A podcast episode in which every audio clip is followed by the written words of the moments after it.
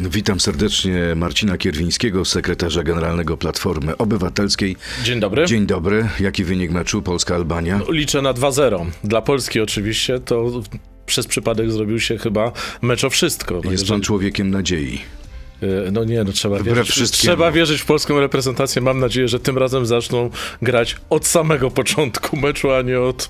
To my też gramy od początku. Jak bardzo boicie się Konfederacji? Ani trochę nie boimy się Konfederacji, ponieważ y, wierzymy, że Polacy nie dadzą nabrać się na tanie wybiegi takich brunatnych chłopców. Brunatnych chłopców? No tak, no bo dobre garnitury i piękny język o tym, jak to wszystko zlikwidują, nie zmienia tego, co jest z tyłu za Konfederacją. Za Konfederacją jest pan Brown, pan Korwin-Mikke, są osoby, które popisują się na Twitterze no, wypowiedziami no, takim językiem faszyzującym. Pan mówi, że ani trochę się nie boicie, no ale jednak całą sobotę i Donald Tusk i Rafał Trzaskowski mówili o Konfederacji. To jednak przestrzegali... jakiś jest problem. Przestrzegali przed skutkami tego typu wyborów, mówiąc zupełnie szczerze, i politycy, i także wy, pan, panie redaktorze, jesteśmy od tego, żeby przewidywać skutki złych decyzji i do czego tego typu no, wybory mogą prowadzić. Więc to robimy. Tusk mi może skoczyć tam, gdzie Morawiecki mnie może pocałować. To No, skończył się. Sławomira Mencena. Widzę, że skończył się, skończyła się już nowa jakość, jaką miał być pan Mencen e, w polityce. No, widać, że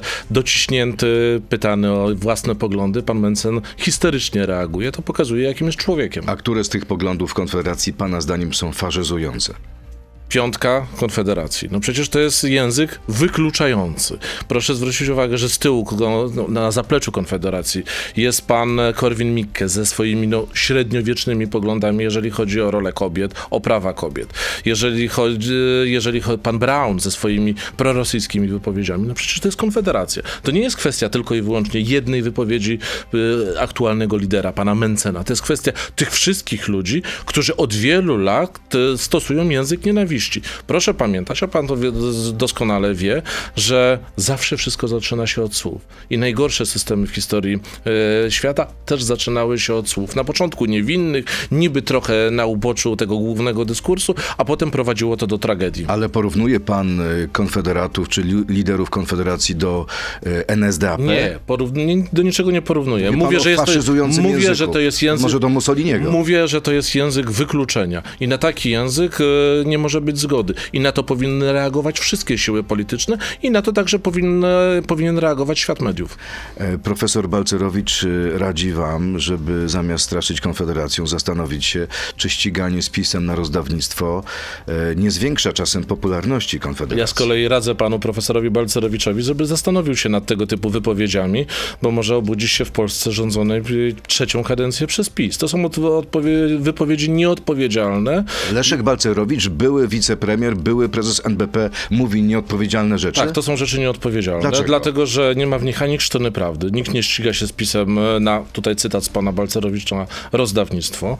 E, babciowe tak zwane, które zaproponował Donald Tusk, nie ma nic wspólnego z tego typu mm, ściganiem się. Jest dobrą propozycją przywracania kobiet na rynek pracy. Oczywiście, jeżeli kobiety tego chcą.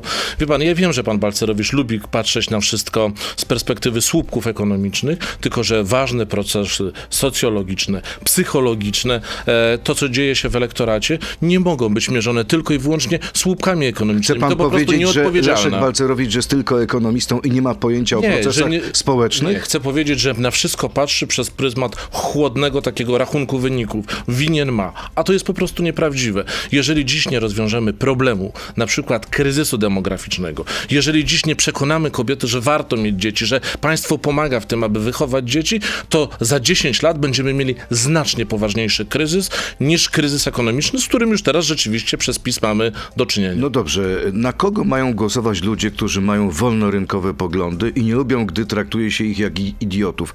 To też Leszek Balcerowicz. Tak jak, mu powiedziałem, tego, ty, tego, typu słowa, tego słowa, typu słowa są dalece nieodpowiedzialne i one raczej budują PiS, więc dziwię się, że pan profesor z całym szacunkiem dla niego w taką retorykę ucieka. Na kogo mają głosować? Na partie prodemokratyczne ja będę do, zachęcał do głosowania do, na Platformę Obywatelską, na Koalicję Obywatelską, bo to my od wielu lat robiliśmy wszystko, żeby stabilizować Polskę, Polskę od strony ekonomicznej. To myśmy, my, rząd premiera Donalda Tuska, przeprowadził Polskę przez najgorszy światowy kryzys No dobrze, ale tak mówi nie tylko Leszek Balcerowicz. Kiedy rozmawiałem niedawno tutaj w tym studiu z Ryszardem Petru, on również mówi, że tak naprawdę dzisiaj milionowy, może półtora milionowy elektorat ludzi o poglądach liberalnych nie ma na kogo oddać głosu. I jeśli nic się nie zmieni, to albo pójdą do Konfederacji, albo nie pójdą do wyborów. Ja myślę, że panowie powinni bardziej zaangażować się, aby wspierać opcje prodemokratyczne, zamiast budować takie nieprawdziwe scenariusze, że w Polsce nie ma realnej alternatywy dla tej błędnej polityki gospodarczej, którą prowadzi PiS. Raz jeszcze podkreślę, wszystkie propozycje Platformy Obywatelskiej, Koalicji Obywatelskiej są propozycjami rozwiązującymi realne problemy Polaków. Czyli co, Od tego jestem w będziecie się ścigać Nie, z PiSem, kto od- da więcej, kto nie, więcej ale obieca? Nie, nie zamierzamy się z, niczy, z nikim ścigać. Zamierzamy rozwiązywać realne problemy Polaków. Te problemy to jest dziura demograficzna, to jest brak możliwości nabycia pierwszego mieszkania przez, e, przez młodych ludzi, to jest brak jakiejkolwiek perspektywy na zmniejszenie inflacji. My na te realne problemy Polaków przedstawiamy realne propozycje. I mówiąc zupełnie szczerze, panie redaktorze, ja jestem w polityce dlatego, aby rozwiązywać problemy Polaków, a nie zyskiwać poklask jednego czy drugiego ekonomisty. E, Leszek Balcerowicz chyba nie mówi to dla poklasku. Ale ja nie wiem, y, tak jak powiedziałem, uważam, że tego typu wypowiedzi pana profesora, z wielkim szacunkiem dla dorobku pana profesora, dziś są kompletnie, ale to kompletnie niepotrzebne. No dobrze, a jak e, wytłumaczy pan to, że ostatnie tygodnie przyniosły zastój albo nawet lekki spadek e, koalicji obywatelskiej, mimo tego, że zaproponowaliście no, ludziom i 0% kredyt, i ostatnio babciowe. ale chciałbym, chciałbym żeby, bo na to trzeba troszeczkę szerzej popatrzeć.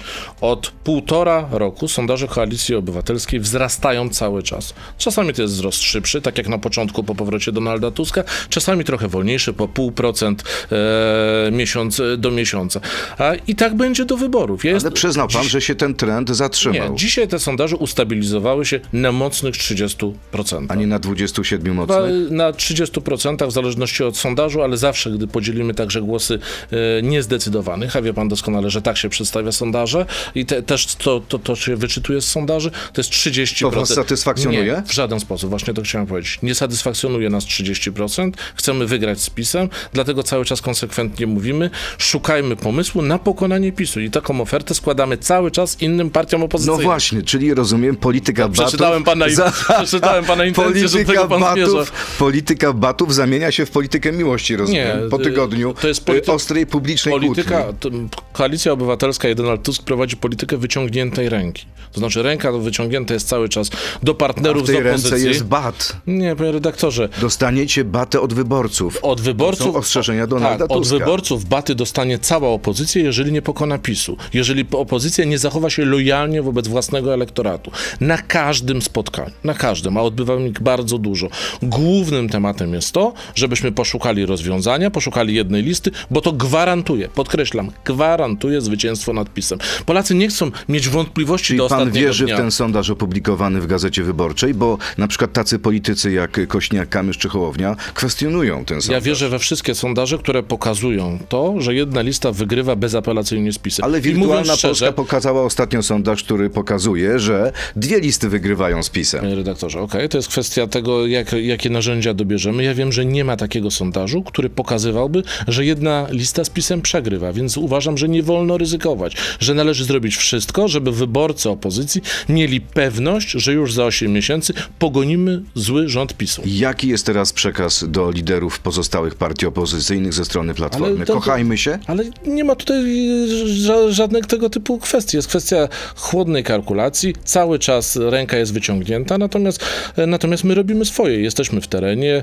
Dzisiaj województwo opolskie. Po Do 10 kiedy ta Śląsk... ręka będzie wyciągnięta? Jaki jest y, końcowy termin tej ja wyciągniętej sta- ręki? ja nie będę stawiał żadnych deadline'ów, ja koncentruję się na tym, co robi Koalicja Obywatelska. Tak jak powiedziałem, 10 dni na Śląsku, intensywne, z propozycjami programowymi, dziś Opolszczyzna, za tydzień Kujawsko-Pomorskie. My robimy swoje i czekamy. Jeżeli, jeżeli przyjdzie nam startować w wyborach samodzielnie, jako Koalicja Obywatelskiej, bo my już jesteśmy koalicją, przypominam, ale to pójdziemy do tych wyborów po to, żeby te wybory wygrać. Robimy też swoje w naszej rozmowie. Krótka piłka.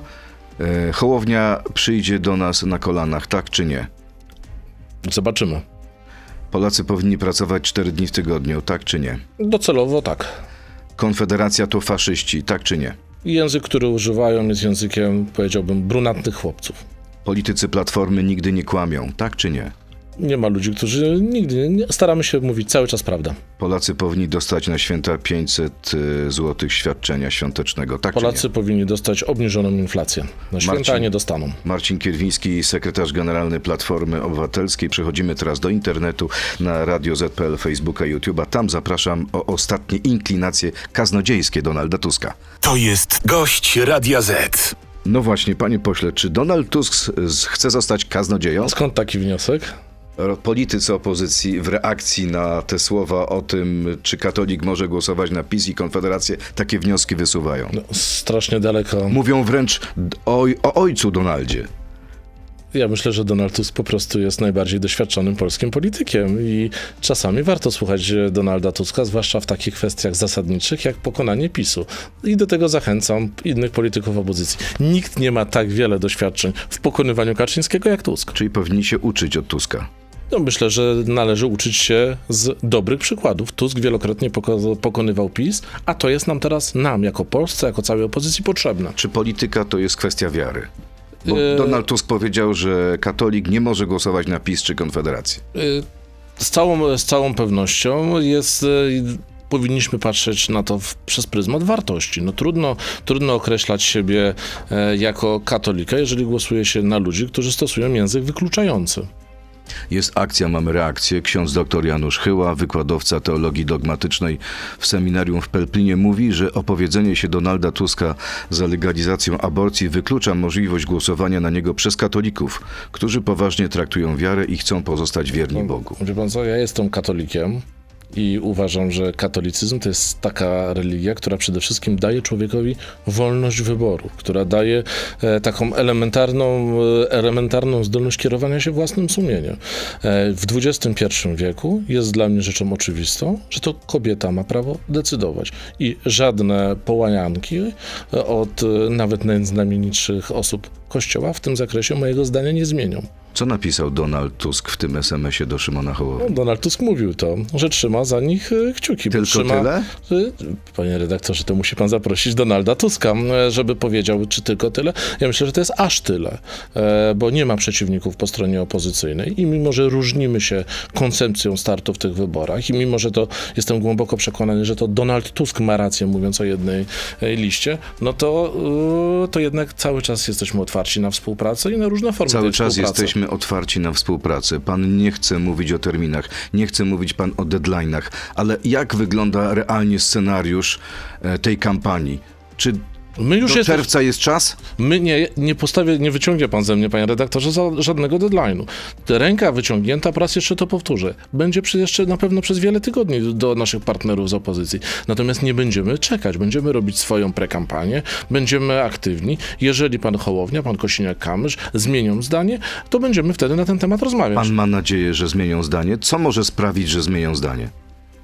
No Ja, ma, ja czy mam nadzieję? Tak, e, tak, mam nadzieję, że zmienią zdanie i że stanie się to szybko, bo nie chciałbym układać list, e, list wyborczych na ostatnią chwilę, na chybcika, bo wtedy zawsze zdarzają się błędy. Co, Na przykład jakie błędy? no, redaktor, czym pan myśli? Myślę, myślę o nieodpowiednim ułożeniu listy, o nieodpowiednich osobach na liście. No przecież wszyscy wiemy, że także od tych kwestii zależy jakość wyniku opozycji. A myśli pan, że Platforma jest gotowa ustąpić y, tym partiom My y, już, z opozycji? my już, e, to jest trochę retoryczne pytanie, bo my już dwukrotnie... No jeżeli tak bardzo chcecie jednej listy, to, Ale- to możecie po powiedzieć, tak, kochani, dajemy wam więcej niż y, wy, Redaktorze, wychodzi ale ja wam nie, w ogóle nie chcę prowadzić e, rozmów na zasadzie, ko, co, kto komu coś daje. Zadaje pan pytanie, czy Platforma Obywatelska ma świadomość tego, że większy na takiej liście musi ustępować mniejsze. Tak, i wielokrotnie to udowodniliśmy. Przypomnę panu taki projekt e, Koalicji Europejskiej na wybory europejskie. Przecież wtedy Platforma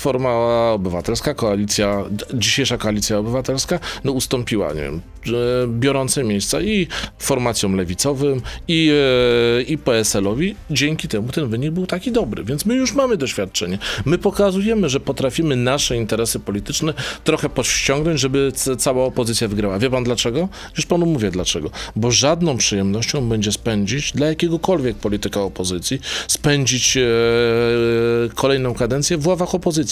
Lepiej być w bardziej różnorodnym, szerokim klubie, ale klubie, który stanowi zaplecze dla rządu i ma wpływ na realność, niż nawet w największym klubie, ale jednak klubie opozycyjnym. W bardzo bojowym nastroju pan jest. Nie, ja, ja jestem po prostu przekonany, że Polacy mają dość dyskusji, mają dość już e, słuchania o tym, będzie jedna lista, czy nie będzie jednej listy, oczekują decyzji. Oczekują szybkich decyzji i te decyzje dziś są po stronie panów Kosiniaka-Kamysza i pana prezesa Hołowni. To teraz pora na pytania od naszych słuchaczy. Jest ich mnóstwo, no i wszystkie kręcą się wokół jednego tematu. Domyśla się pan jakiego? Domyślam się, bo rzeczywiście to gorący temat Janusz Górski, tygodniu. narzędzie Google Trends pokazuje, że Konfederacja w ciągu ostatnich siedmiu dni jest drugą siłą polityczną w internecie, a w weekend pokonała nawet połączone PiS i PO. Jak zachowa się Platforma? Czy poprze Konfederację, żeby rozliczyć PiS? Czy jednak wybierze koalicję z PiS? Ja to jak, Ciekawe bardzo. Tak, to mogę zadeklarować. Znaczy ta druga część tego pytania jest kompletnie, proszę wybaczyć, absurdalna. Przecież my jesteśmy w polityce i idziemy do tej kampanii po to, żeby rozliczyć PiS i odsunąć PiS od władzy, przywrócić w Polsce A jeśli do normalną- rozliczenia PiSu trzeba będzie pomocy Konfederacji, to... Zrobimy przede wszystkim, panie redaktorze, wszystko, żeby nie trzeba było pomocy Konfederacji, żeby siły opozycji demokratycznej e, wygrały tak te wybory, żeby mogły stworzyć rząd. Ja sobie nie wyobrażam, i mówię to z pełną odpowiedzialnością, jakiejkolwiek e, współpracy z Konfederacją w takim kształcie, w jakim ona jest teraz, to znaczy z takim językiem, którego używa teraz. Jeszcze jedno pytanie. Czy zdajecie sobie sprawę, że Koalicja Obywatelska pomaga Konfederacji swoimi zmasowanymi atakami? Czy jest to akt waszej desperacji w celu utrzymania części waszego elektoratu, który jest przeciwny programom socjalnym? Polacy mają prawo wiedzieć, kim tak naprawdę jest, e, są ludzie Konfederacji. My nie robimy niczego innego, jak po- opowiadanie, czy też cytowanie tego, co politycy Konfederacji mówili. Skoro kon- politycy Konfederacji obawiają się tych słów, no to pokazuje to, że mają wiele na sumieniu. Ale niektórzy wyborcy Konfederacji, kolejne pytanie, chyba liczą na koalicję z Platformą. Dlaczego Platforma atakuje Konfederację i spycha ją w stronę PiSu, a nie myśli o współpracy w przyszłym rządzie? Może światopoglądowo się różnimy, ale gospodarczo Konfederacja przypomina dawny trzon liberalny Nie widzę, Platformy. nie, widzę, nie widzę, mówiąc zupełnie szczerze, jakiegoś całościowego programu gospodarczego Konfederacji. Wie pan, ja wiem, że poglądy typu y, nie będzie podatków albo będą tak niskie, że w ogóle nikt nie, nikt nie będzie ich odczuwał. One są, mogą być chwytliwe i mogą być ciekawe, tylko ja już paru takich polityków na polskiej scenie politycznej y, widziałem. Ostatnim chyba, który mówił, że rozbije system, będą niższe podatki, to był pan e, Paweł Kukis, a dzisiaj on jest, kiedyś by się chciał powiedzieć, przystawką PiSu, choć dziś to, to, to byłby duży komplement dla przystawki. Dudzik 94. Chyba każdy przedsiębiorca w Polsce oczekuje odpowiedzi na to pytanie. Platforma dochodzi do władzy. Składka zdrowotna pozostaje na takich zasadach jak obecnie. Nadal płacona od dochodu 4,9% liniówka, 9% zasady ogólne. E, Skład, e, mówił o tym Donald Tusk, na pewno składka, składka zdrowotna nie może być dodatkowym podatkiem, czyli będzie, musi być płacona od podstawowej działalności, a nie od, nie wiem, sprzedaży maszyny, sprzedaży samochodu, sprzedaży nieruchomości. No to, to jest idiotyczne. E, To jest po prostu nie Czyli zmienicie zasady. Tak, ale my to już powiedzieliśmy. My to powiedzieliśmy na naszym klubie wyjazdowym w Wielkopolsce. My przedstawiliśmy sześć punktów, takich sześć punktów dla przedsiębiorców, czyli zmiana zasad składki zdrowotnej, kwestia stabilności prawa podatkowego, e, kwestia kasowego PIT-u, czyli e, kasowego VAT-u, przepraszam, czyli e, na początku wpływ dla małego przedsiębiorca, a potem dopiero podatek. No to są rzeczy dość oczywiste, zwłaszcza teraz w czasach postpandemicznych i no jednak bardzo recesyjnych. MC, czy doczekamy się w Platformie zmiany pokoleniowej? Może to Rafał Trzaskowski powinien zostać kandydatem koalicji na premiera. Wśród najmłodszych wyborców osiągacie wyniki gorsze niż w sondażach w grupie ogólnej. Za Tuskiem młodzi nie ruszą, za Trzaskowskim już raz ruszyli i mogą ponownie. To, że pan się uśmiechnął, czytając to pytanie, bo wie pan, że to jest pytanie, które się, się nigdy nie kończy, ale ja odpowiadam i to proszę o, o chwilę cierpliwości w dwóch aspektach. Po pierwsze, Donald Tusk spod, y, ostatnio z Rafałem Trzaskowskim na kampusie, na Akademii Kampusu Polska e, Przyszłości stali jeden obok drugiego. To pokazuje, że współpracują bardzo dobrze i potencjał Rafała Trzaskowskiego właśnie do zagospodarowania tego Ale ten elektoratu. nasz słuchacz oczekuje tego, że będą stali obok siebie i Donald I powie stoją, i y, stoją do y, Rafała, Rafał, ty będziesz moim Ale- kandydatem na premiera. To właśnie ja, to ja to Będzie teraz, tak, to, czy to nie teraz będzie? druga część mojej odpowiedzi. Pamięta pan dwa lata temu, jak Donald Tusk wracał do polskiej polityce, polityki, to już prawie dwa lata temu. Wtedy nie było wiary w partiach opozycyjnych, że, wygrane, że zostaną wygrane najbliższe wybory. Ja pamiętam notowania Platformy. One były na poziomie 11-15% w zależności Ale Hołownia był bardzo wysoko. No i, i, i był, był wysoko, ale nie tak, żeby gwarantowało to zwycięstwo nad PiSem. Wrócił Donald Tusk i zmienił polską scenę e, polityczną. Jeżeli ktoś mnie chce przekonać do tego, że człowiek, który zmienił polską scenę polityczną po stronie opozycji ma dziś nie być twarzą kampanii, to proszę wybaczyć, ale to nierozsądne. Kolejne pytanie, Piotr. Jak bardzo surrealistyczny pomysł kredytu 0% bawi posłów Platformy w kuluarach? Mnie to, znaczy, to jest bardzo realistyczny problem. E, Problem e, Problem czy pomysł? Już właśnie chcę, może trochę do przodu poszedłem. To jest bardzo realistyczny program i bardzo realny problem, którego on dotyczy. Młody człowiek dziś nie ma jak kupić pierwszego mieszkania. I możemy udawać, że, e, że inne sposoby, czy też inne pomysły będą jakoś, no nie wiem, kleić tą rzeczywistość, ale nie, my potrzebujemy radykalnych rozwiązań. To, to pierwsze mieszkanie to jest gwarancja tego, że młody człowiek będzie chciał zakładać rodzinę, że będzie chciał e, inwestować niejako w siebie, inwest- a więc inwestować także w Polskę. Więc, e, więc dla mnie ten projekt jest jak najbardziej poważny i zostanie wdrożony od pierwszego dnia, od kiedy po- Platforma Obywatelska, Koalicja Obywatelska będzie rządzić. Postscriptum do krótkiej piłki Kerix. Czy zamierzacie dotrzymać obietnicy wprowadzenia czterodniowego przepraszam, tygodnia pracy, o której mówił Donald Tusk w zeszłym roku? Czy jednak rezygnujecie z tego pomysłu? My mówiliśmy o procesie. E, Procesie, to znaczy są takie branże, gdzie ten proces może przebiegać szybciej, są takie branże, gdzie będzie przebiegał w sposób oczywisty wolniej. Natomiast W jakich doce- branżach może, w jakich... yy, Redaktorze, wolniej, w jakich szybciej? Kwestia, Na przykład. Na, na, to, to pokazała pandemia. W wielu miejscach, w wielu miejscach, na przykład nie wiem, w konsultingu, usługach, które mogą być dostarczane drogą, drogą cyfrową, wiele, no, ten, ten proces będzie mógł przebiegać szybciej, ale my obiecywaliśmy i tego słowa dotrzymamy, że przedstawimy dokładne, dokładny plan e, pilotażu czterodniowego tygodnia pracy, tak żeby sprawdzić, jak na to zareaguje polska gospodarka, czy to będzie opłacalne dla polskiej gospodarki. Wie pan, my nie jesteśmy w tej, w tej sprawie rewolucjonistami. My od zawsze mówimy, że w tego typu trudnych projektach, a to trudny projekt, potrzeba ewolucji, potrzeba rozmowy, sprawdzania, W lipcu, właśnie, w lipcu 2022 y, Donald Tusk powiedział, sprawdzimy czterodniowy tydzień pracy. Sprawdzimy czterodniowy A od razu będziecie sprawdzać po wygraniu wyborów, czy to, to trochę przedsta- potrwa? Na pewno przedstawimy dokładny, dokładny plan e, tego sprawdzenia, plan dochodzenia do tych rozwiązań, ale też sposób mierzenia efektywności i tego wpływu na gospodarkę. E, Pan Robert, jak długo jeszcze pan Donald zamierza atakować partie opozycyjne i zamiast łączyć, to dzieli ich wyborców? No i kiedy wreszcie debata o Polsce liderów opozycji, do której rok temu Szymon Hołownia zaprosił liderów opozycji? Kiedy pan Tusk będzie do niej gotowy?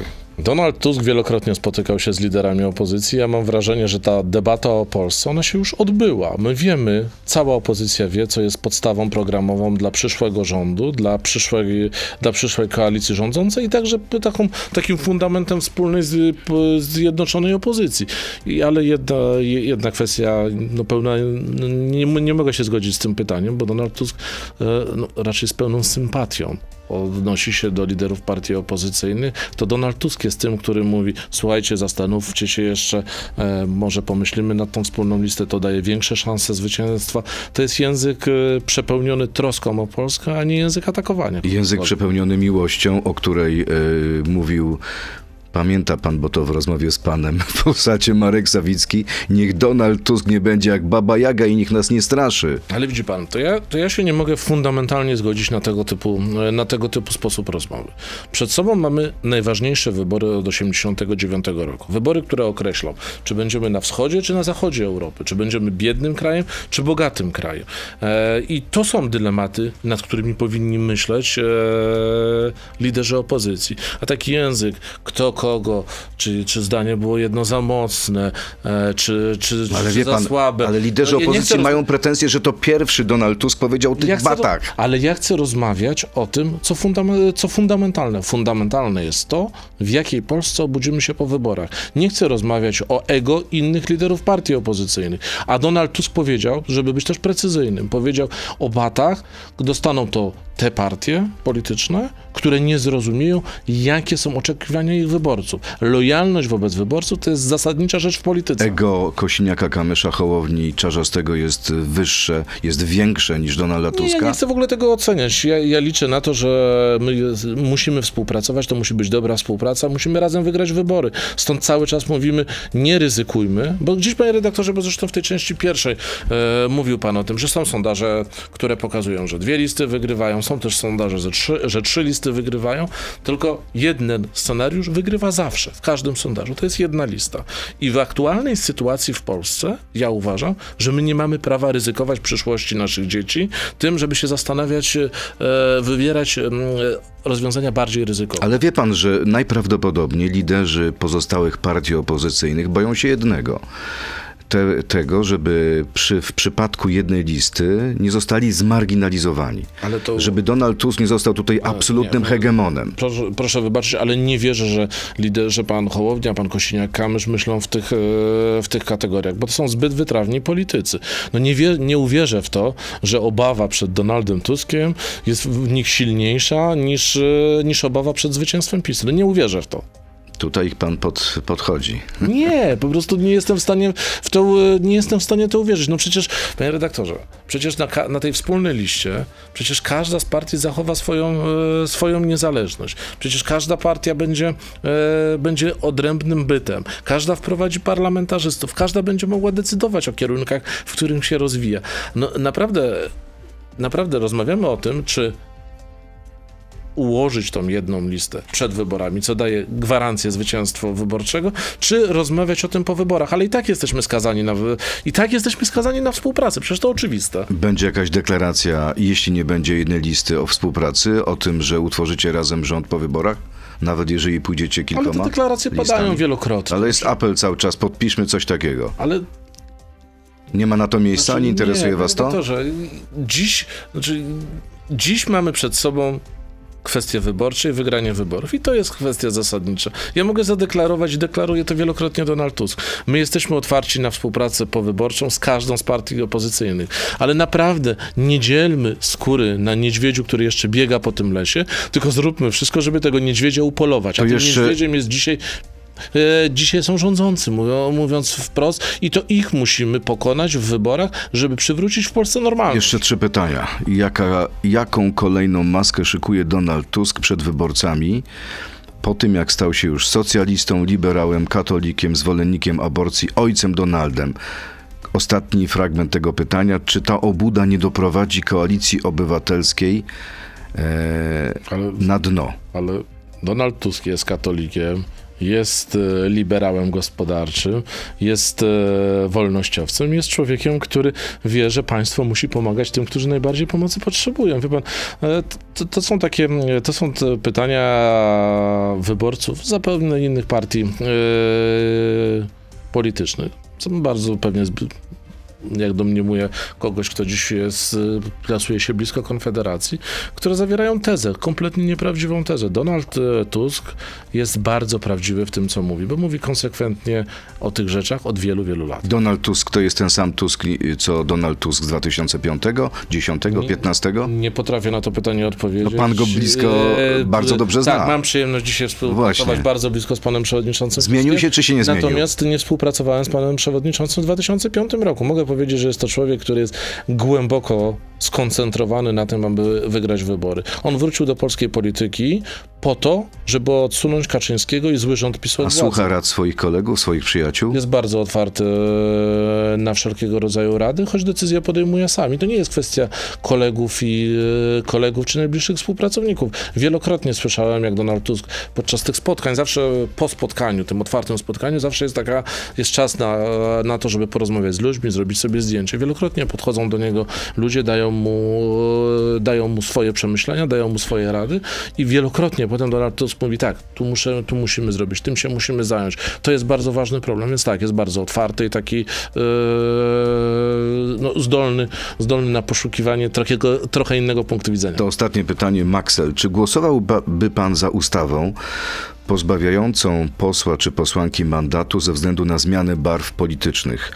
Wszemi wobec takie zabiegi są uważane jako oszustwo pracodawcy, czyli suwerena. Czy zatem suweren również nie powinien mieć prawa odwołania posła za niespełnianie obietnic wyborczych? Kiedyś mówiliśmy o tym, to był rok 2020, konferencja wtedy pana przewodniczącego Budki i Rafała Trzaskowskiego, że będziemy szukać takich rozwiązań, które dadzą, e, dadzą możliwość e, no, zweryfikowania posła także podczas kadencji, natomiast e, to musi być zrobione w sposób racjonalny i mądry, no bo czysto teoretycznie nie może to się odbyć tak, żeby posła, nie wiem, posła PSL-u czy posła Lewicy odwoływali wyborcy PiSu, którzy na niego nie głosowali.